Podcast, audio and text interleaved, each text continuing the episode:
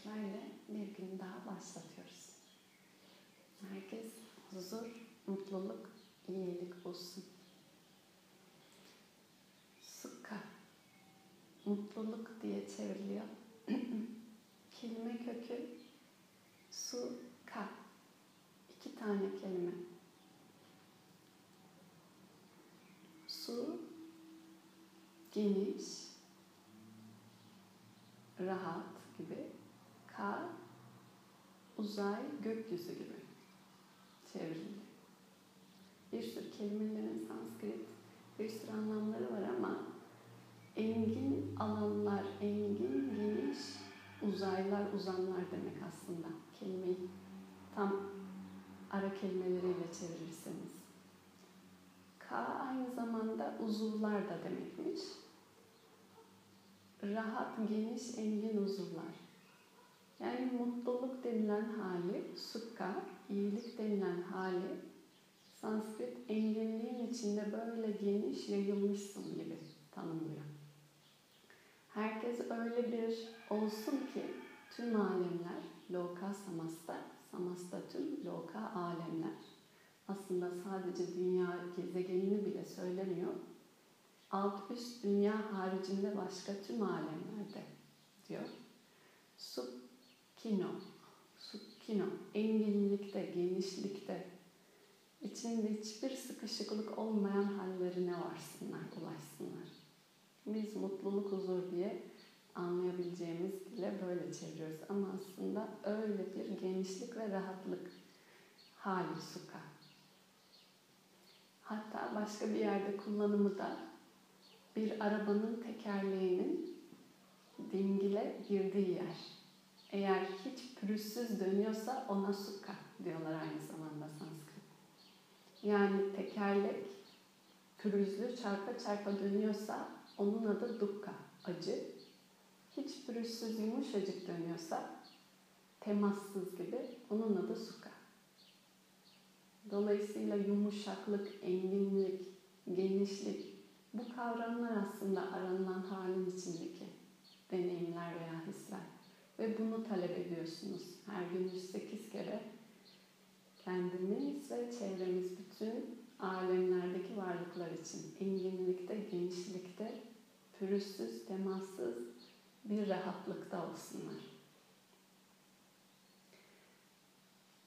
Ee, bazı eylemler iyi niyetle hatta hiçbir niyet güdülmeden bile yapılsa da sen istemeden de sonuçlar yerli bazen yersiz kötü sonuçlar verebilir.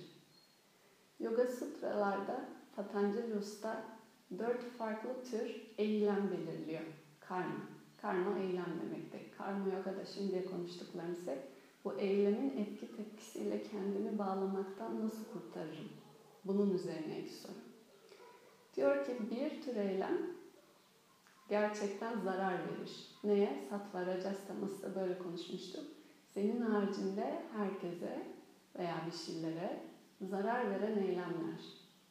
Bunlar tırnak içinde olumsuz karma veya dini terminolojiyle günah gibi tanımlamak isterseniz çevrilebilir. Papa Sanskrit. Zarar verenler. Ve bunun yarattığı etki kadar etkiyi yapanın tepkisi de karşılığında gelir diye tanımlıyor. O yüzden ahimsayı konuşmuştuk ve demiştik ki ahimsa incitmemek için incitmeyen incinmez diye. Hatta bir sutra vardır. Başka birisi e, sen karışık diyelim. Sen normal zarar vermeyi hedeflemiyorsun. Her hiçbir e, iyiliği de hedeflemiyorsun.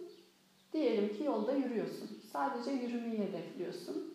Yürürken iyilik de olabilir, kötülük de olabilir. Ama sonuçta yürümeyi sen yaptığın için o etkiyle beraber tepki de yine sana gelir. Mesela yürüyorsun, fark etmedin yerde karıncalar vardı, karıncaları ezdin geçtin. Ama amacın aslında yürürken karşıda duran e, bir dilenci çocuğa para vermekti. Öyle diyelim. Aslında para ver, ona yardım etmek için yürüdün. ve verdin. Ama eş zamanlı da ayağının altında bir sürü karıncayı, çiçeği öldürdün. Dolayısıyla bu eylem karışık. Hem olumlu edim et tepki var, punya, hem de olumsuz edim var, papa. İkisi birden. Ve insanların dünya gezegeni üstündeki %99.9999 çoğunluk böyle eylemlerde diye sayılıyor. İnsan olmak bu demek diye sayılıyor hatta öyle değil. Birinci demin saydığım insan olmanın alt boyutu. Orada insan sayılmıyorsunuz zarar üzerine yaşıyorsanız. Ama eylemleriniz ikisi karışıksa, gri ise hem beyaz hem siyahsa o zaman bu standart sıradan insan olmak. Üçüncü, insan olmanın ötesine doğru geçmek. Yaptığın eylem sadece iyi çıkartması. Bu çok zor. Eğer düşünürseniz bütün eylemleri gerçekten çoğunluk bir önce saydığım gibi bir süre içinde fark etmeden de başka parametrelerle giriş var. Sadece eylem olumlu sonuç yaratacak. Hiçbir olumsuz yaratmayacak. Bu çok zor. Bu kadar saf eylem bulabilmek. Ama mümkün. O da meditasyon, pranayama, japa gibi eylemler sayılıyor. Buralarda sadece oturuyorsunuz. Bir dünyaya etkileşim, etki anlamında ve senin iraden haricinde başka bir sürü parametreleri de parametrelerin de girebileceği bir alan yok. Salt sadece niye? Susmak ve durmak. Burada ters bir tepki yaratılamıyor. Ters bir tepkiden kastım. Olumsuz olabilecek bir tepkiye mahal yok. Ya da kendi kendine herkes iyilik bulsun, iyilik bulsun demeyi. Punya diye geçiyor bunlar, olumlular. Dediğim gibi burası zor. Ama burası satva diye sayılan. Bunlar saflığı, dengeyi daha nötrlüğe hazırlayan, getiren. Önceki, biraz önce söylediğim karışıklar, çoğunluğun bütün eylemleri, rajas, insan olmanın niteliği, hareket. Önceki zarar üzerine kurulu olansa tamas, o insan olmanın alt e, düzeyi, cehalet veya karanlık. Ve dördüncüsü var. Üçü de olmayan. Ne iyi ne kötü. İyinin kötünün ötesinde bir yer var, orada buluşalım Mevlana'nın sözüyle. Bu yogilerin karma yogası. İyi de yok, kötü de yok orada. Çünkü eylemi eyleyen olarak bir benlik aidiyeti olmadığı için sonucuna dair de bir tutunma yok. Dolayısıyla ne iyi ne kötü tanımı var. Bu çok önemli bir konu. Bugün bahsetmek istedim. Aslında uzun derin bir felsefe. İki saat konuşulur. Herkesin de çok merak ettiği karma kavramı üzerinden. Ama en azından bu kadarcık bile fikir belki olursa ilham adına bazı şeyleri açabilir kafamızda. Çünkü herhangi bir etki tepki döngüsünden kurtulmak istiyorsanız ve etki tepkinin derin batağındaysanız, çoktan zaten döngü böyle dönüyorsa çark, ee, en azından önce satvanın yükselmesi, yani önce olumlu eylemlerin, edimlerin yükselmesi, olumsuz olanların tepkilerinin geri vermesini baskılayabilir veya üstüne gelebilir. Böylece daha ağırlık yapabilir. Ve iyi kötü karışıkları da aynı şekilde yavaş yavaş nötralize edebilir punya yani olumlu olan bu tarz edimlerin artması ve bunların artmasıyla sonra dördüncüye geçiş mümkün olabilir. Bunu açıklamak istedim. Bu aradaki geçiş nasıl olabilir? Çünkü daha önce bir sürü böyle soru geldi. Raga Dvesha vesaire ya da etki tepki karma yoga ile konuştuklarımızdan. Olumluların artması olumsuz edimlerin bilinçli ya da bilinçsiz yapılmış olabilir ama standart her eylemin içinde de illaki istemesen de yanlış bir ya da zarar yaratabilecek bir tepki ortaya çıkabilir. İnsan olmaya dair bu tür eylem diye demin anlattım. Dolayısıyla punya, olumlu, bu ikilerin kimi sıfırlayıp nötralize edebilir ve o yükseldikçe dördüncü mümkün olabilir. Ne iyi ne kötü demediğin yer. O nedenle edim yani eylem seçmek istiyorsanız iradeniz dahilinde Standart ve çoğunlukta herkes ikinci türü zaten yapıyor, karışıkları. Ama iradeniz dahiline geldiğinde daha çok bu tarz eylemleri seçerseniz bu uzun vadede gelecek olan acıları engelleyebilir. Heyyam Dukka Managatam, Patanjali'nin sutrası. Gelecek olan acılar engellenebilir. Bunun için bu farkındalık ve tüm eylemler. Geçmiş üzerine söz sahibi değilsiniz ama gelecek üzerine söz sahibisiniz. Şu anki edimlerinizle.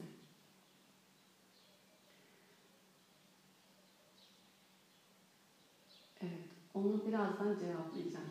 Soru var, özenle yazmış. Ama şimdi Gita'ya geri döneceğim. Beraber bu konuşmalarımızla da paralel aslında. 8 ve 9. mısradayız bugün 6. bölümde. 8. mısra diyor ki, yine çok güzel.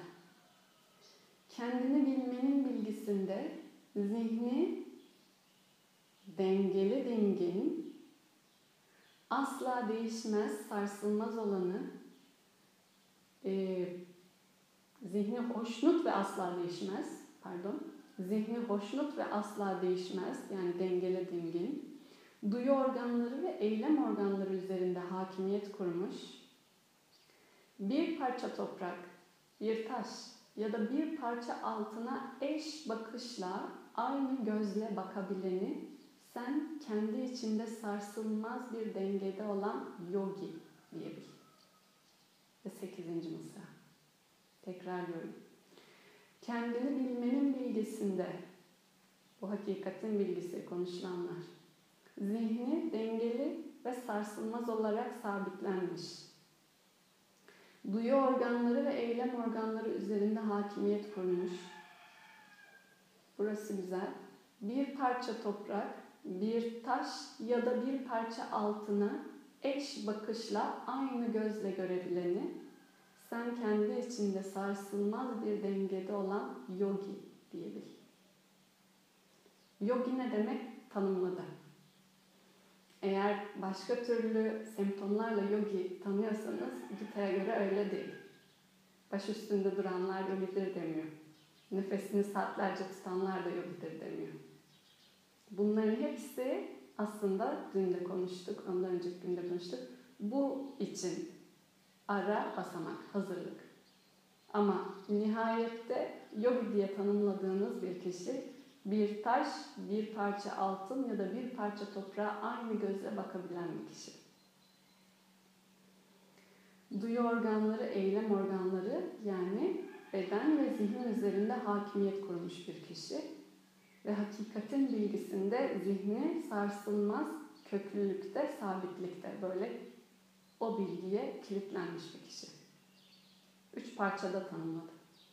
Dokuzuncu mısra devam ediyor.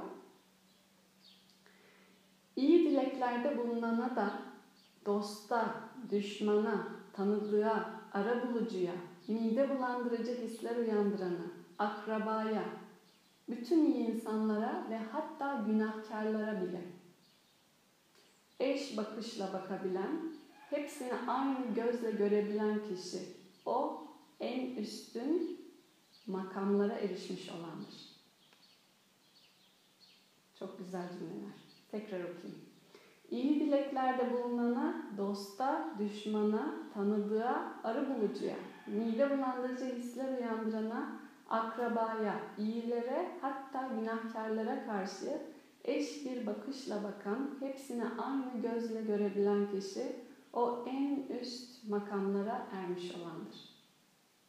En yüce aşamaya ya da seviyeye varmış olan böyle bir iş.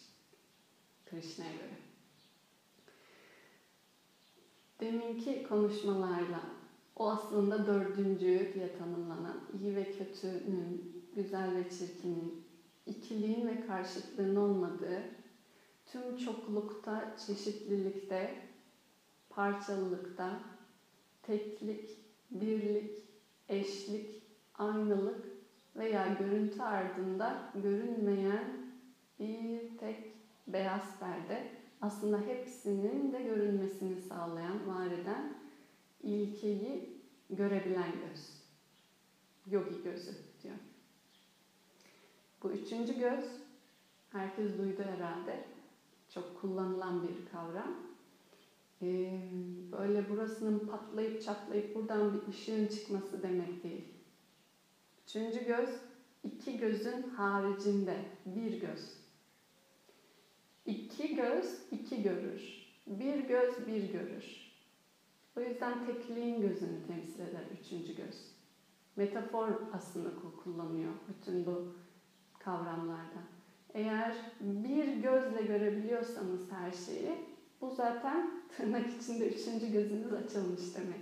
Böyle matkap gibi bir şeyle ya da başka şeylerle delinip açılacak bir şey değil. Her şeye aynı bakışı, tek bakışı, tek görüntüyü görebilmenin sembolik ifadesi. Tekliğin gözüyle bakmak. Eşliğin gözüyle bakmak. Bir taşa, bir parça toprağa, bir altına. Üzerine değer, anlam, mana koyansa iki göz. Sağ sol diyor. İyi kötü diyor. Güzel çirkin diyor. Ve çalışmalar aslında hepsi karşıtlardan, ikilikten, soldan al, sağdan ver, sağdan al, soldan verler de dahil. Bunlar da. Bu iki uçları yavaş yavaş bir araya böyle eşliğe, dengeye getirmeye çalışmaya hedefliyor. Ki tekliğin gözü o tekliği görebilsin.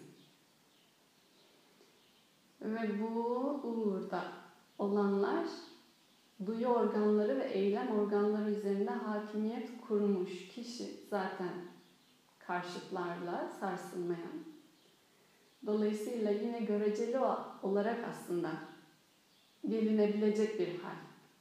Böyle mucizevi bir an olması bile o kişinin geçmişinde bir sürü sadana bu uğurda çalışma yaptığının sonucu olarak ancak gelebilir. Çünkü etki tepkiyle çalışıyor varoluş.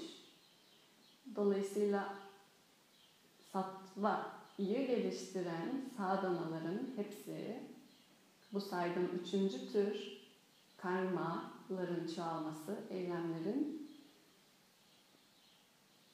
karmanın tanımının kalmadığı nesnenin ayrıksılığının kalmadığı, göreceli bakışın dolayısıyla salt bakışa geri çekildiği, nesnedense salt bakış haline geri çekildiği bir aşamaya doğru evriliyor. Eğer bakamıyorsanız da şu an belki bakmaya çalışmak adına bu cümleleri okumak da herkes huzur, mutluluk bulsun demek de o herkesin içine aslında her şeyi dahil ederek daha önce çok güzel sorular vardı aslında. Bu yüzden soru sormak kendi içimizde bu süreci daha tetikliyor. Virüse de mi iyilik dileyim diye soran vardı. Ee, ya da bir zaman yaptığı eylemin çok yanlış olduğunu düşündüğün ve hala zihninde taşıdığın tırnak içinde affedemiyorum dediğin birisi için bile huzurunu, iyiliğini istemeye çalışmak dünkü hikayedeki gibi aslında o kişiyi dışarıda değil kafanda taşımaktan seni özgürleştiriyor olacak. Veya o kavramları ve o algılarıyla zihnin aslında kendi cennet cehennemlerini yarattığına konuştuk ona dair evrilmeye çalışacak. İki gözden tek göze yaklaşmaya vesile olacak. Dolayısıyla çalışmalar aslında bu nihayete doğru evrilmeye çalışıyor bizi. Krishna direkt sondan söylüyor. Yogi bir taşa da, bir altına da, bir parça toprağa da eş bakışla bakabilen, dosta, düşmana. Dolayısıyla aslında cümle şu demek. Dost, düşman, ara bulucu, tanıdık, mide bulandırıcı, akraba, iyi, kötü, günahkar bu tanımları kalmayan kişi artık. Her şeyi aynı gözle görebilen kişi en yüce makama ermiş kişidir. cümleleri böyle bugün için bize.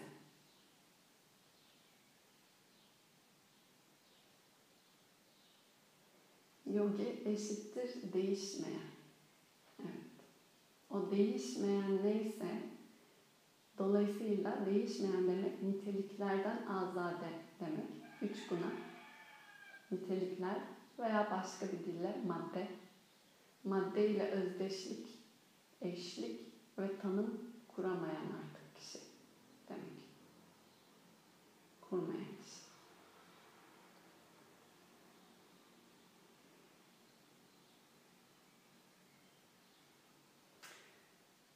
Soruya şimdi özelden gelen deminki konuşmayla da ilişkili bir soru. Yolda ama bu söylediklerimizle aslında cevabı biraz verdik. Çok basit bir soru gibi oldu ama aklımdan geçti. Dördüncü eylemi yapan yogiler yolda yürürken eş zamanlı karınca ezmez mi? Yani bu tanımdaki bir insan bu dünyada yaşaması mümkün değil. Çünkü bu tanımdaki bir insan bu dünyada zaten yaşamıyor artık. Dolayısıyla sorun cevaplanmış oluyor. Bu dünyada bir insan değil artık o. Belki böyle deyince bilmiyorum. Çok uç ne demek istediğiniz e, soyut mu oluyor? Ama cevap bu. Bu dünyada bir insansan bastığın yerde karınca öldürebilirsin. Ama bu dünyada bir insan değilsen ne ayak var ne basa, basmak ne de basan. Eylemle dolayısıyla kurduğu kimlikle özdeşlik ve aslında benliğin değişmesi dolayısıyla bu nihayet. O yüzden. Ve karma yoga da daha önceki konuşmalarda da hep bu bunu anlatmaya çalışıyordu. Sonucuna tutunmamak vesaire vesaire diye. Oldu umarım. Daha konuşabilirim ama cevap burada. E, niyetin önemi yok mu peki diye geldi bir soru aynı konuyla ilgili. Niyetin önemi elbette ki var. Çok var hatta. Ama niyetin öyle olsa bile yine de sonuç olabilir o anlamda. E, o karma özelliğini söylüyor. Niyetin önemi kesinlikle çok çok yüksek. E, ama sen iyi niyet etsen bile olabilir. Dolayısıyla üçüncü kategoriye girmiyor. O yüzden böyle bir kategori ayrımı olmuş. Sen iyi niyet etsen bile bazen kötü sonuçlar eş zamanlı yaratabiliyor eylemler. O zaman soru şu, hiç kötü sonuç yaratamayacak bir eylem biçimi yok mu? O nedenle bu üçüncüyü anlattım ve üçüncü bir kategori açmışlar. Hiçbir şekilde kötü sonuç yaratmayanlar diye. Suka engin uzaysa dukka sıkışık. Dukka evet sıkışık demek. Dukka o dingilin pürüzle dönmesi gibi dar, kötü, e, evet dar daha iyi kelime. Du, ka, ka uzay çünkü. Su ve du. Su geniş, du ona göre daha kısıtlı. Kötüyü sevmek zor. Kötüyü sevmek zor veya ona tepki vermemek zor. Savaşmak gerektiği zamanı nasıl belirleyeceğiz? Evet, güzel soru. Kötüyü sevin demedi. Demiyor da. Kötü diyorsan zaten sevemezsin. Kötü demediğin bir hale evriltmek bakışı. Yaklaşım bu. Kötü tanımını yapamadığın bir hale gelmek. Çünkü iyi de kötü de bir yerden bakışa muhtaç tanımlar. Bunu anlatmaya çalışıyor. İyiyi ve kötüyü, iyiyi sevmeyin, kötüyü sevin demiyor. Yorum girdiği zaman aslında biz başka yerden, yine aslında aynı bulunduğumuz yerden okumaya başlıyoruz. Anlatmaya çalıştığı kötü ve iyi tanımlarından azade olabilir misin? Olursan zaten kötü diye bir şey tanımlamadığın için ne bir şey sevmeye çalışacaksın ne bir şey sevmemeye çalışacaksın. Bugün 24. gün.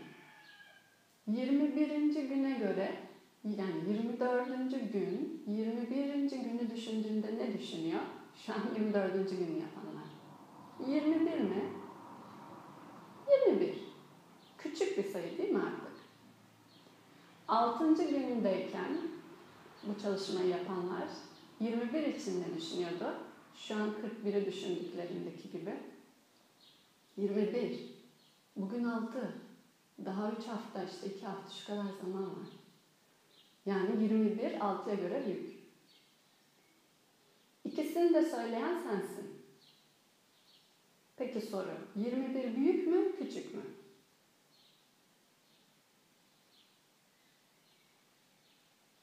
İkisini de söyleyen sensen ve ikisini de söylediğinde kesinlikle onun öyle, evet öyle diyordun. 21 büyük bir sayı mı, küçük bir sayı mı? Sonra bugüne gelelim. 41 şu an büyük bir sayı. 55. günde olsan 41 büyük mü, küçük mü? Sonra 55'e gelelim. 70'e gitsek 55'e göre 70. 55 büyük mü, küçük mü? Cevap A büyük, B küçük.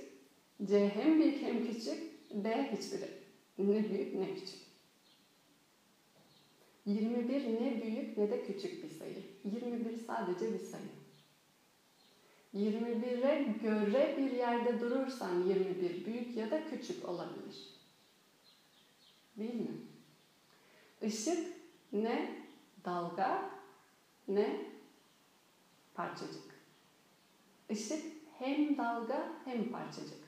Çift yarık deneyi işte tam bütün hep her gün konuştuğumuz konu bu aslında. Işık hem dalga hem parçacık. Dolayısıyla ne dalga ne parçacık. Işık bakan göze göre dalga ya da parçacık. 21 bakan göze göre büyük ya da küçük. Sen neredeki gözsün şu an? Kişi ya da şey bakan göze göre iyi ya da kötü dolayısıyla. Karşıtlar bu demek. Karşıtlar senin ayrıksı ve göreceli bir benlikte ve bakışta olduğunu ispatlıyor. Bu yüzden önemli. Karşıt yani raga dvesha kavramı. O zaman şunu sorabilirsin. 21 ne büyük ne de küçükse ya da hem büyük hem küçükse 21 aslında sadece bir sayıysa 21'i 21'liğinde deneyimlemem mümkün mü? Ne büyük ne küçük demeden bir sayıyı salt sayılığında deneyimlemem mümkün mü? Işık hem dalga hem parçacıksa ben bakışa göre ışığa dalga ya da parçacık olarak görüyorsam Einstein bunu ispatladı, görecelilik kuramı. O zaman soru şunu sorabilirsin. Işığı ışıklığında deneyimleyebilir miyim? Deneyimleyebilir miyim dediğinde ışığı senden ayrı konumlandırdığın anda deneyimleyemezsin. 21 sayı olarak sen sayıyı gören olduğun sürece deneyimleyemezsin. Bu işte yaratılış. Bunun adı dünya. Bunun adı madde. Bunun adı evren. Bunun adı uzay zaman. Uzay zaman içinde bu mümkün değil. Gören ve görülen olduğu sürece görülen görülenliğinde salt deneyimlenemez. Her zaman deneyimleyene bağlı görüntü ortaya çıkacak. Dolayısıyla yogi olmak demek ışık salt ışıklığa gelmek demek. Deneyimleyen, deneyimlenen nesne, özne ayrımının kapanması demek. 21 salt sayı 21.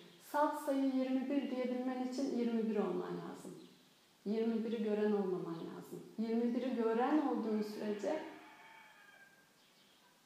orada ya da buradasın. Cevap oldu mu? Umarım olmuştur. Bu çok fazla soruya cevap aslında. Bu idrak çok fazla soruya cevap. Şu demek, bir çok önemli, şu yanlış anlaşılmaya gidiyor. Birkaç soruda onu gördüm şimdi daha okumadan. Şu demek, bu o zaman bulunduğum yerden ışığa hem dalga hem parçacık diye bakmaya çalışmak, gözlerimi şöyle şöyle yapıp ha evet evet gördüm gördüm demek değil.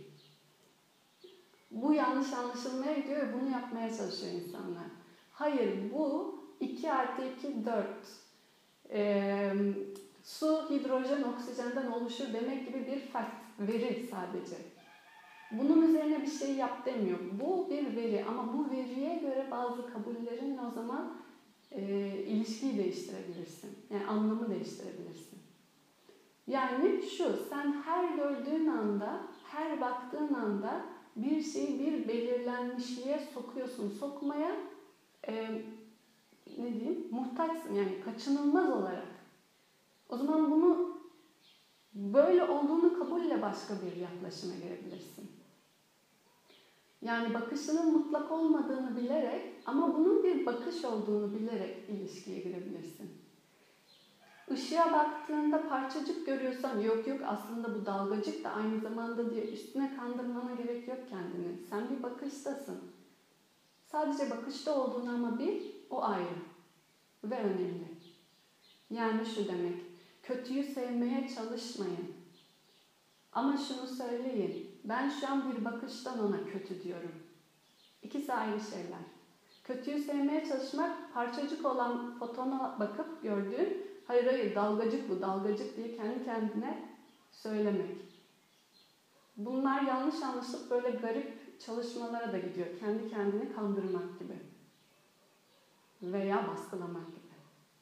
Hayır, sadece bir veri var. Veri şu ki sen bir bakıştan şeyleri belirlenmişliğe sokuyorsun. Bir bakışa sahip olduğun için. O zaman kötüyü şu an sevmiyorum de. Ama şunu demen lazım yanında. Ben bir bakıştan görüyorum ve bir bakıştan ona kötülük atfediyorum. Pek çok bakış esnasında o başka anlamlarda alabilme potansiyelinde. Bunu eş zamanlı dersen o zaman parçacık olarak gördüğünü başka bir bakışa geçtiğinde dalga olarak görme potansiyelini açarsın. Bunu açmazsan hem parçacık hem potansiyel dalga olan ikili mutlak bakışa geçmek mümkün değil. Bu ara geçiş. Bu yüzden önemli. 21'e şu an küçük değil. Çünkü 21 şu an durduğunuz yerden küçük. 24. gündeyseniz eğer. Üçüncü günde olanlar var şu an grupta. Onlarsa 21'e büyük demeli. Yanındaki karesindeki arkadaşı küçük diyor diye o da küçük demeye çalışmamalı. Bu onun yalanı çünkü. Kendine yalan söylemiş olur. Kendi gerçekliğinde o şu an üçüncü gün yapıyorsa burada bizimle 21 onun için büyük. Ama yanındaki arkadaşı şu an 24. gündeyse o küçük demeli. Bunun için küçük. Kim 21'i 21'liğinde görüyor? Kimse. Bir göze, bir uzayda alana, bir zamanda konuma sahip olan kimse diyemiyor. Ama bunun mümkün olduğunu en azından şu anda uzay ve mekanda durduğun yerin mutlak olmadığını bilmen önemli. Bu alanı açmak için. Bu konuşmalar, bu yogi tanımları da bu alanın mümkün olduğunu, salt durduğun konumda, tanımda gördüğün görüntünün mutlak olmadığını hatırlatmak için size. Aa tamam mutlak değil o zaman mutlak gibi görüyorum gözümü şaşı, şaşı yapıp değil. Bu değil. Ama mutlak değil bakışınız. Göreceli ve ayrıksız bir bakış.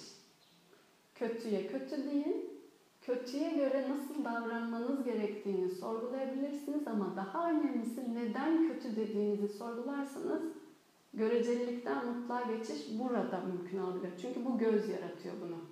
Nesne almıyor salt değeri. Kötülüğü nesne almıyor. 21 sayısında ne büyüklük var ne küçüklük var. O kişide ne kötülük var ne iyilik var. Bakan gözde ona koyan anlam var. Burası önemli. Bu bütün yoga sutranın da, bütün Gita'nın da, bütün yoga öğretisinin felsefesinde temeli ve konuştuğumuz Einstein'ın da Kur'an'ının ana teorisi.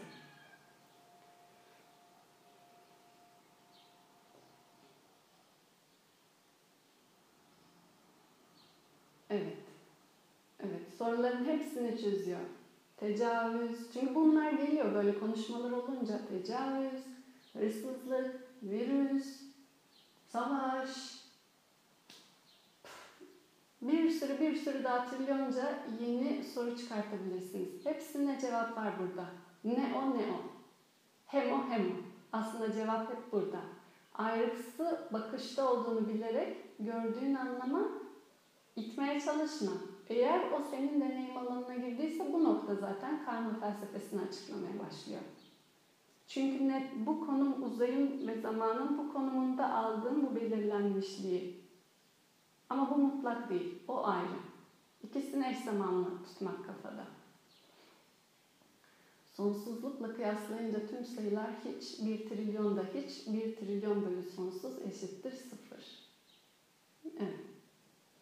Ama sonsuzluğu algılayamayacağız. Çünkü algılama imkanı olmayan demin anlattığım şeyle bir bakıştayız. Bir bakıştayız. Herhangi bir bakıştayız demiyorum. Sayı, nicelik olarak bir kelimesini kullanıyorum. Bir bakıştayız. Bir bakışta olan için bir varsa sonsuzluğu idrak mümkün değil. Sonsuzluğun içinde bir yok çünkü. Ama sen bir bakışsan o zaman hakkıyla bir bakış ol. Öyle bir bakış ol ki bir kendini eritsin, sonsuzluğa evrilsin. Hakkıyla bir bakış olmak karma yoga. Karma yoga o yüzden önemli. Bireysel irade, mutlak irade bu çelişkisini sayı birle sonsuzluk çelişkisini ışık ya dalga ya e, parçacık hem dalga hem parçacık çelişkisini çözen aradaki geçiş. Bu yüzden çok önemli. Bütün kitap o yüzden bu kavram üzerine yazılmış. Eylem icra et, bir bakışla icra ediyorsun. Bir uzay zamanın konumunda atılmış bir, böyle Google'daki gibi o pinpoint'sin. Ama bu bakıştan, bu bulunduğun konumdan öyle bir biçimde icraata geç ki bu sonsuzluğa evrilsin, dönüşsün. Eylemin sonucuna tutunmamak, yaparken icraatlarını, eylemlerini karşıtların ikiliğine dair eş bakış geliştirmeye çalışmak, bütün çalışmalar bu. Yaptığımız bütün çalışmalar. Nefesi sağdan alıp soldan vermekten, her ne olursa olsun olana tepki vermeden gözlemeye çalışmaktan, meditasyon, sürekli tekrarla herkes huzur mutluluk bulsun, herkes huzur mutluluk bulsun. Kim diyor? Ben diyorum, kime diyorum? Herkese diyorum. Herkes kim? Annem, babam, kardeşim, ülke, dünya, virüsler. Ee, peki tamam virüslerle. Ye gelene kadar.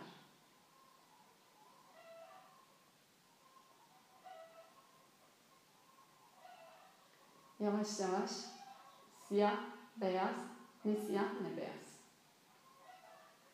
İlk başta konuştuğumuz o farklı eylemler, karmalarda bu. Tam bu teoride. Hmm.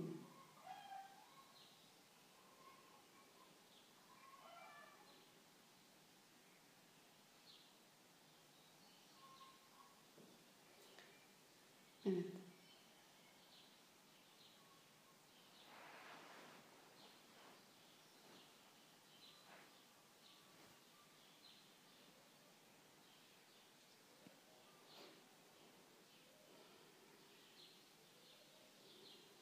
Ortalığı temizlemek bize düşmüş olan denir.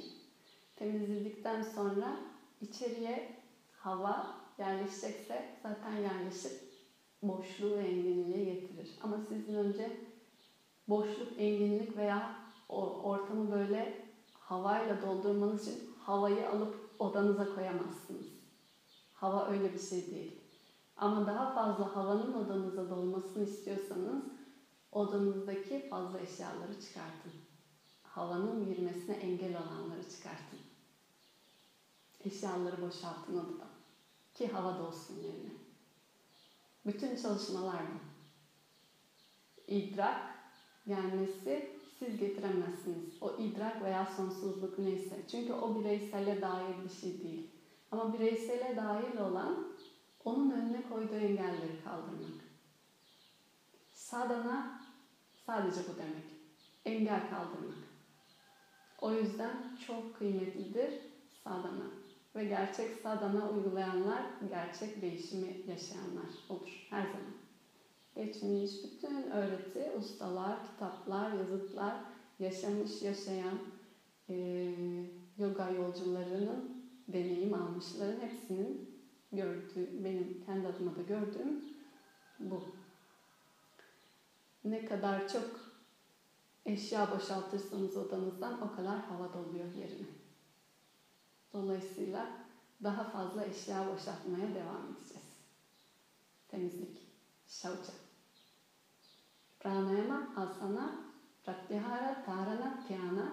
Dhyana sonrasında olan ama dharana'ya kadar hep yaptığımız asana, pranayama, pratyahara duyuların kontrolü, dharana odaklanmak, konsantrasyon bu yaptığımız eşya boşaltmak. Bu çalışmalar.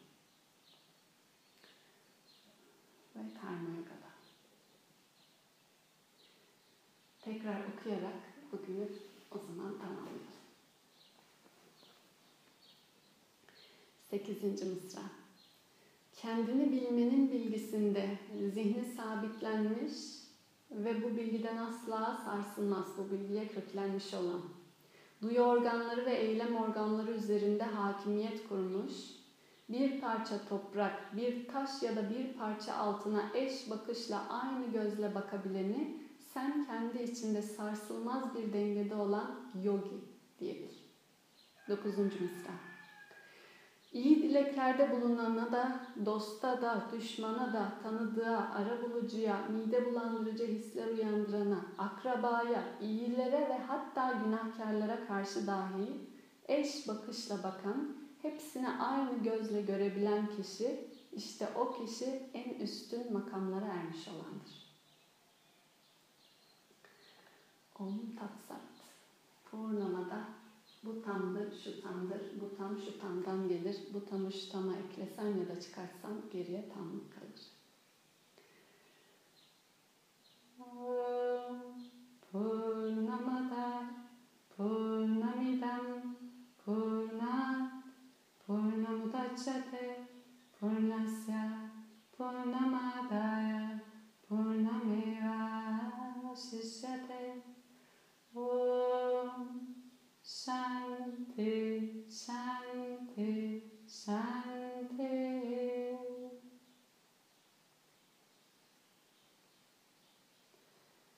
Ό, Αμαστέ, Ασέκαλα, Πληθαρκή Μινέα.